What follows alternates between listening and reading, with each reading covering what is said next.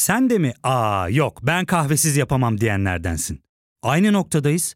İlk ve tek kahve üyelik uygulaması Frink'le tanış. Hem bütçeni koru hem de hiç bitmeyen kahvenin tadını çıkar. Yakınlarından terapinin onlara ne kadar iyi geldiğini dinlesen de kendin için bir şeylere başlamak zor geliyor olabilir. Ya da sevdiklerine yardım etmeye istekliyken kendi ihtiyaçlarını görebilmek. Hayvel, uzman psikologlarıyla kendi ihtiyaçlarını bulmanda sana destek olacak. Terapi yolculuğuna başlamak için detaylı bilgi bölümün açıklamalarında. Türkiye'nin dış politikadaki değişim, dönüşüm hızına yetişmekte vallahi zorlandık. Amerikan başkanlığına Joe Biden'ın seçilmesinin ardından bir değişim bekleniyordu ancak bu denlisi şaşırttı. Yakından bakıyoruz. Bir yaşına basan Trend Topi'ye hoş geldiniz. Ben Nevşin Mengü.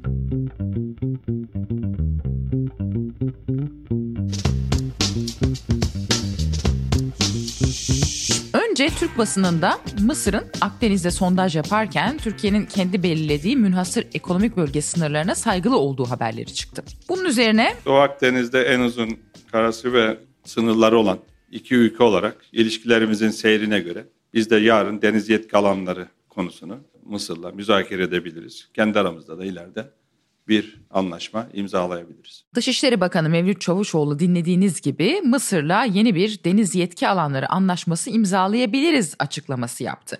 Açıklama şaşırttı. Zira Arap Baharı'nın ardından iktidara gelen Mursi yönetiminin darbeyle devrilmesine Türkiye çok bozulmuş. Darbeyle devlet başkanlığı koltuğuna oturan Sisi'yi reddetmiş, Mısır'la bütün ilişkilerini koparmıştı.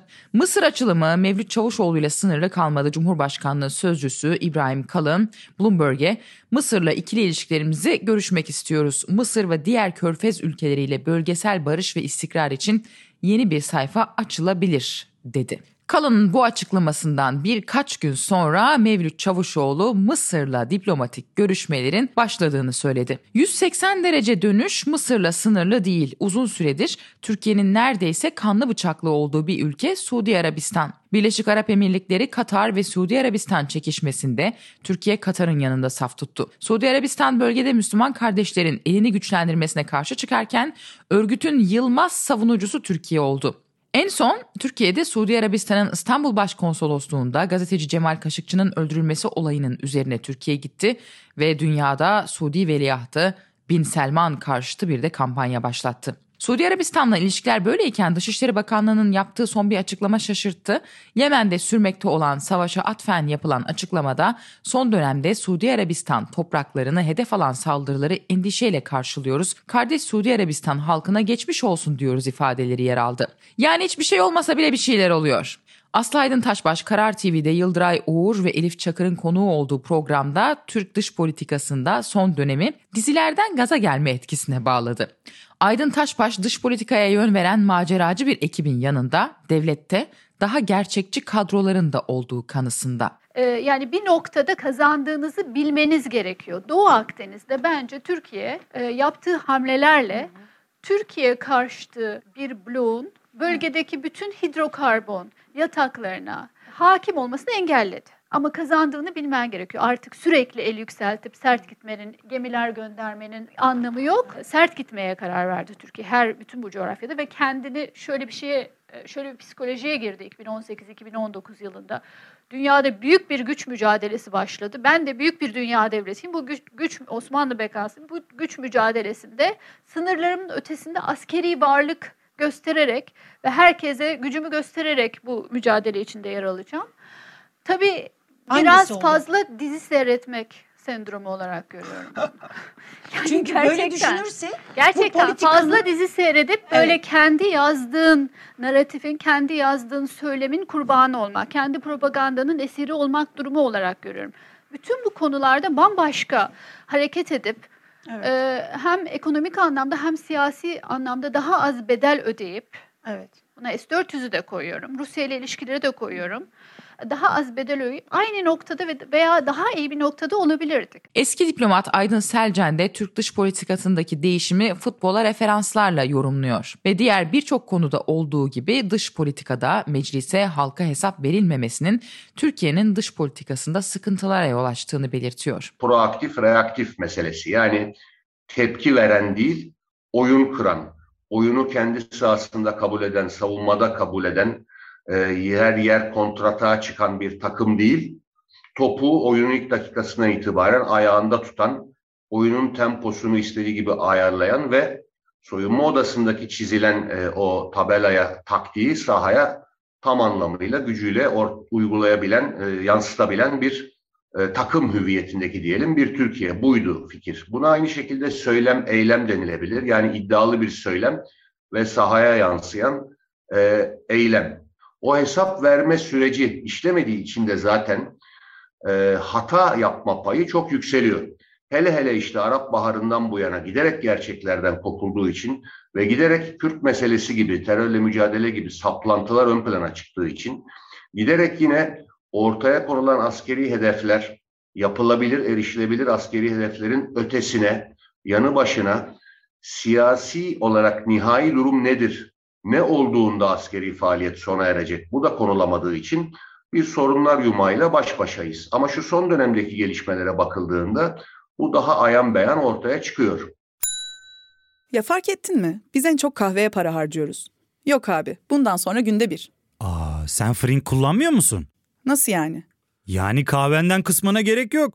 Frink'e üye olursan aylık sadece 1200 TL'ye istediğin çeşit kahveyi istediğin kadar içebilirsin. Günlük 40 TL'ye sınırsız kahve mi yani? Çok iyiymiş. Aynen. Hatta şu anda 200 TL'lik bir indirim kodu da var. E hadi hemen indirip üye ol da bu fırsatı kaçırma.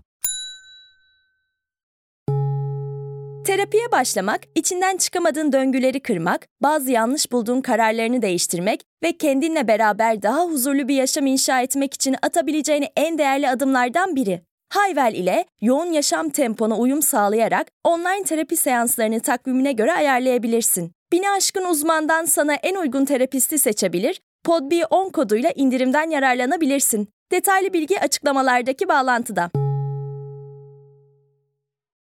Avrupa Demokrasi Vakfı'ndan Murat Seyrek'le Türk dış politikasındaki değişimi konuştum ve bu değişim Avrupa'yı Amerika Birleşik Devletleri'ni ikna eder mi diye sordum. Şimdi bu bölümde Türk dış politikasında son dönemde yaşanan 180 derecelik dönme çabasını işliyoruz. Senin oradan Brüksel'den bu nasıl görünüyor? Ee, bir şeyleri değiştirme çabası olarak görünüyor. Aslında Ocak ayından beri bu böyle. Ama tabii bunu anlamak için aslında hani ne tür dinamikler değişti de Türkiye'de böyle bir değişim var ve batıdan da bu nasıl görünüyor onu anlamak lazım. Çünkü son yıllarda aslında baktığımız zaman Türkiye'de hükümet çok da böyle başarılı değildi bölgesel, küresel rüzgarları anlamakta ve buna göre politikaları şekillendirmekte. Ama sanırım Biden sonrası rüzgarlar o kadar sert etmeye başladı ki bunu Ankara bile hissetmeye başladı ve buna göre bir şeyler yapmak istiyor. Ee, Brüksel'den bakınca tabii ki bildiğin gibi 25-26 Mart zirvesi var Avrupa Birliği'nin. Ee, bu yaklaşıyor, az zaman kaldı. Türkiye olası yaptırımlar ve yine olası yeni bir dönem bu zirvede konuşulacak.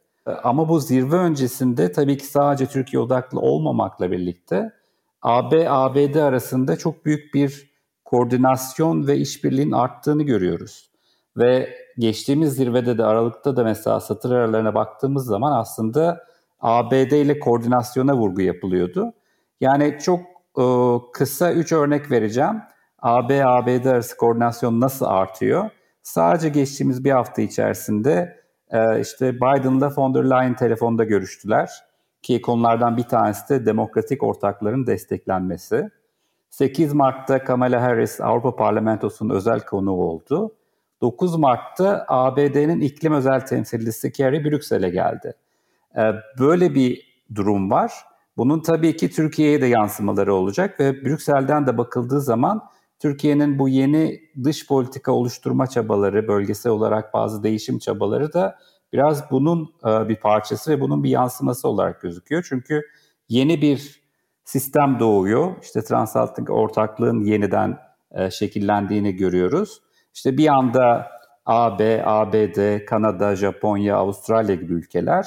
Diğer bir yanda da işte Rusya, Çin, İran, Kuzey Kore gibi ülkeler. Burada şöyle bir soru çıkıyor.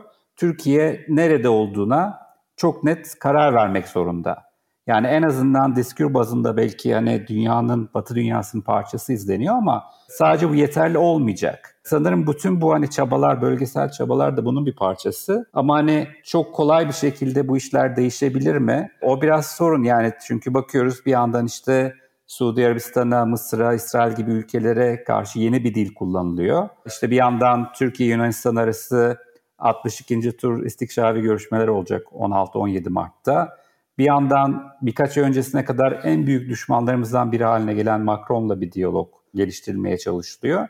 Ama böyle bu kadar kolay mı bu iş? Yani bir günde 180 derecede dönüp bütün bu ülkeleri ve Batı dünyasını ikna etmek kolay mı? Bu dengeleri bir şekilde değiştirmek kolay mı? Onları konuşmamız lazım. Kolay mı? E, kolay olmadığını şuradan görüyoruz. Mesela bir yandan diyoruz ki işte e, Orta Doğu'da yeni açılımlarımız var. İşte bir yandan bugün Rusya, Katar, Türkiye zirvesi oldu. E, bir yandan işte Mısır'la uzlaşma çabamız var. Ama bir yandan Müslüman kardeşlere de destek vererek aynı zamanda Mısır'la nasıl uzlaşacağız? İşte Suudi Arabistan'a zeytin dalı uzatıyoruz. Ama bir yandan Suudiler işte öğreniyoruz ki bugün Türkiye'den gelen konteynerleri 3 ay bekletip Türkiye'ye geri gönderiyorlarmış. Yani bu kadar dengesiz bir şekilde ve sonuçları düşünülmeden bazı şeyler yapılmış. Bunu bir şekilde değiştirmek çok kolay değil. Yani Doğu Akdeniz'de mesela kim tehdit ve nasıl buna karşı gelinebilir? Türkiye çok bunu değerlendirmemiş. Yani Türkiye için tehdit Yunanistan ve Kıbrıs Rumlar mıdır? Yoksa Mısır ve İsrail midir? Ve bunların hepsini karşımıza alırsak nasıl bir Doğu Akdeniz karşımıza gelir? Biraz bunları tabii ki değerlendirmekte Türkiye çok geç kaldı. Ee, bunun sancılarını yaşıyor şu anda. Bir de tabii hani bölgesel ilişkilerde belki diplomasiyle bazı şeyleri çözmek mümkün ama Batı ile ilişkilerde diplomasinin de ötesine geçmek gerekiyor. Çünkü tamam hani belki askeri ve siyasi bir seçim bir yandan bakınca Batı ile ilişkiler ama bir de değerler anlamında da bir seçim gerektiriyor. Özellikle işte Biden bu demokratik ülkeler kavramını çok kullanıyor ve demokratik ülkelerin bir araya geldiği bir yapıdan bahsediyor. Ama buna baktığımız zaman Türkiye'de miş gibi yapmaya devam edemez. Bu miş gibi yapma devri kapanıyor. Yani eğer Batı'nın bir parçası olacağım diyorsa Türkiye, tamam diplomatik açılımlar iyi güzel ama bir de bunun ötesinde değerler anlamında işte bir demokratikleşme hamlesi gerekiyor. Hani şu anda böyle bir söylem var işte insan haklarıydı, yok temel hak ve özgürlüklerle hukuk sistemiyle ilgili reformlardı vesaire. Ama şu anda en azından Brüksel'den bakınca e, bunların hiçbir inanılırlığı yok. Çünkü sadece olumlu değil somut bir adım bekliyor Batı dünyası. Bu somut adımı hükümet gösterecek mi, gösterebilir mi? E, bundan çok emin değilim tabii. Somut mesela ne olur? Hani Osman Kavala'nın, Selahattin Demirtaş'ın serbest bırakılması mı? Hep de böyle algılanıyor. Bunda mı sınırlı bu Batı'nın Türkiye algısı? Yani bence sadece onlarla sınırlı değil ama şöyle de bir gerçek var ki bazı davalar e, bir şekilde evet e, sembol davalar haline geldi. Bir de tabii ki bu davalarla ilgili Avrupa İnsan Hakları Mahkemesi'nin de kararları olduğu için Böyle bir sembolik yanı var. Bence hani kısa vadede evet böyle şeyler olursa etkili olabilir ama AB'nin beklediği veya Batı dünyasının genel olarak beklediği tam sadece bir iki sembolik adım değil ama gerçekten olumlu yöne doğru bir değişim. Yani özellikle işte ifade özgürlüğü yolunda, temel hak ve özgürlükler yolunda iki kişiyi diyelim serbest bıraktın ama hiçbir şey değişmedi. İnsanlar tekrar tutuklanır hale geldiler. Ne bileyim işte kimse istediğini istediği şekilde söyleyemez halde vesaire. E, bunu da çok fazla bence hani orta vadede Batı'nın dikkate alacağını zannetmiyorum. Hani sembolik adımlar olursa evet kısa vadede denir ki tamam aa Türkiye'de bir şeyler değişiyor ama bunun arkası gelmediği sürece onun da çok bir anlamı yok bence. Peki Türkiye sence başarıyla hani bu dönüşü yapabilecek mi? Ne dersin? İşte yani bir kısmını zorunluluktan en azından yapıyor veya yapmaya çalışıyor. Bir kısmını da yapıyormuş gibi davranıyor. Ama çok kapsamlı bir tabii ki değişim gerekiyor. Yani diplomatik değişim için belki hani çok farklı bir düzene geçmek, yepyeni bir hükümet, yepyeni bir Türkiye gerekmeyebilir ama özellikle bu işin içinde reform kısmı da olduğu için, demokratikleşme kısmı da olduğu için öyle bir sıkıntı var. Yani e, bunları gerçekten yapabilir mi? Bir de yapmak istese bile yapabilir mi? Çünkü hani e, hükümet dediğimiz de artık sadece AKP veya sadece Erdoğan'la kısıtlı değil. MHP bunların ne kadarına gerçekten sıcak bakar, e, ne kadarını engeller. Çünkü öyle de bir farklılık gözüküyor. Mesela Brüksel'e ve pek çok AB ülkesine ziyaretleri oldu Dışişleri Bakanı Çavuşoğlu'nun. Orada verilen mesajlara bakıyoruz. İşte reform anlamında, Batı ile ilişkiler anlamında, geleceğin Avrupa Birliği ile olması anlamında. Ama sonra Ankara'daki tartışmalara baktığımız zaman bir paralellik görmüyoruz bunun içerisinde.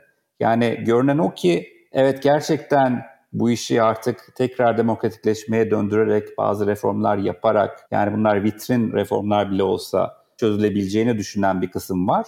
Ama önemli bir kısım da hükümet resmi olarak içinde veya içinde olmasın ama parçası olan önemli bir kısım da buna karşı gibi gözüküyor. Hani buradan kimin çıkacağına da bağlı ama çok kolay da olmayacak tabii bunu gerçekleştirmek ve özellikle Batı'yı ikna edecek reform gerçekleştirmek. Burada herhalde en somut şey şu anda gördüğümüz bu Yunanistan'la istikşafi görüşmeler değil mi? Yani bu Doğu Akdeniz anlamında yani şu engellenebilir evet yani Mart zirvesinde 25-26 Mart'ta konuşulacak olan bu yaptırımlar konusu. Çünkü Türkiye'deki demokrasiyle, insan haklarıyla, temel hak ve özgürlüklerle falan ilgili değil. Bunun ilgili olduğu nokta Doğu Akdeniz. Hani bu da çok sağlıklı değil evet özellikle eğer AB ve Batı bir hani demokratikleşme projesi aynı zamanda.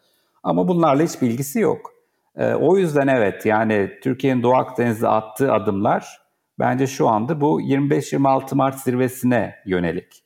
Yani hem Yunanistan'la biraz daha böyle en azından kağıt üzerinde de olsa bir diplomatik ilişkilerin gelişiyor olması, bir yandan Doğu Akdeniz'deki diğer ülkelerle en azından bir diyalog çabası. Bunu engeller. Yani hani 25-26 Mart zirvesinde e, büyük ihtimalle böyle bir kapsamlı yaptırım çok da olası gözükmüyor. Ama bu işin tamamen bir boyutu. Yani 25-26 Mart zirvesi geçecek ama ondan sonra bu sefer belki işte daha çok bu demokratikleşme, temel haklar vesaire konuları konuşulmaya başlayacak. O boyutta Türkiye ne kadar bir şeyler yapabilir, Batı'yı ikna edecek. Ee, o sorun olacak. Yani Doğu Akdeniz'i bence bir şekilde Türkiye atlatacak gibi en azından şimdilik bu Mart zirvesinde. Demir Murat Seyrek çok teşekkür ederim. Ben teşekkür ederim. Evet 75. bölümü dinlediniz. Geçtiğimiz bir senede dinlediğiniz, paylaştığınız, yorum yaptığınız için hepinize teşekkür ederim. Nice bölümlere, nice senelere diyelim. Trend Topi'yi Podbi Medya ile birlikte hazırlıyoruz. Yeni bölümde görüşmek üzere.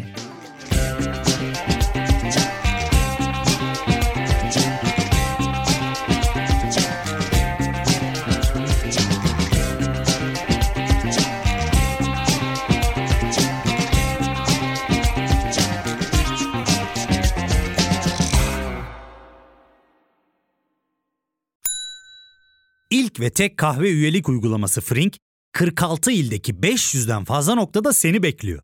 Açıklamadaki kodu girerek sana özel 200 TL'lik indirimden faydalanmayı unutma. Hadi sen de Frink üyeliğini başlat, kahven hiç bitmesin. Hem bugününe hem yarınına katacaklarıyla terapi yolculuğuna ve daha iyi hissetmeye bugün Hayvel ile başla. Açıklamadaki linkten Hayvel'i indir, ücretsiz tanışma görüşmelerinin ardından bütçene uygun seans paketini seç ve terapi yolculuğuna başla.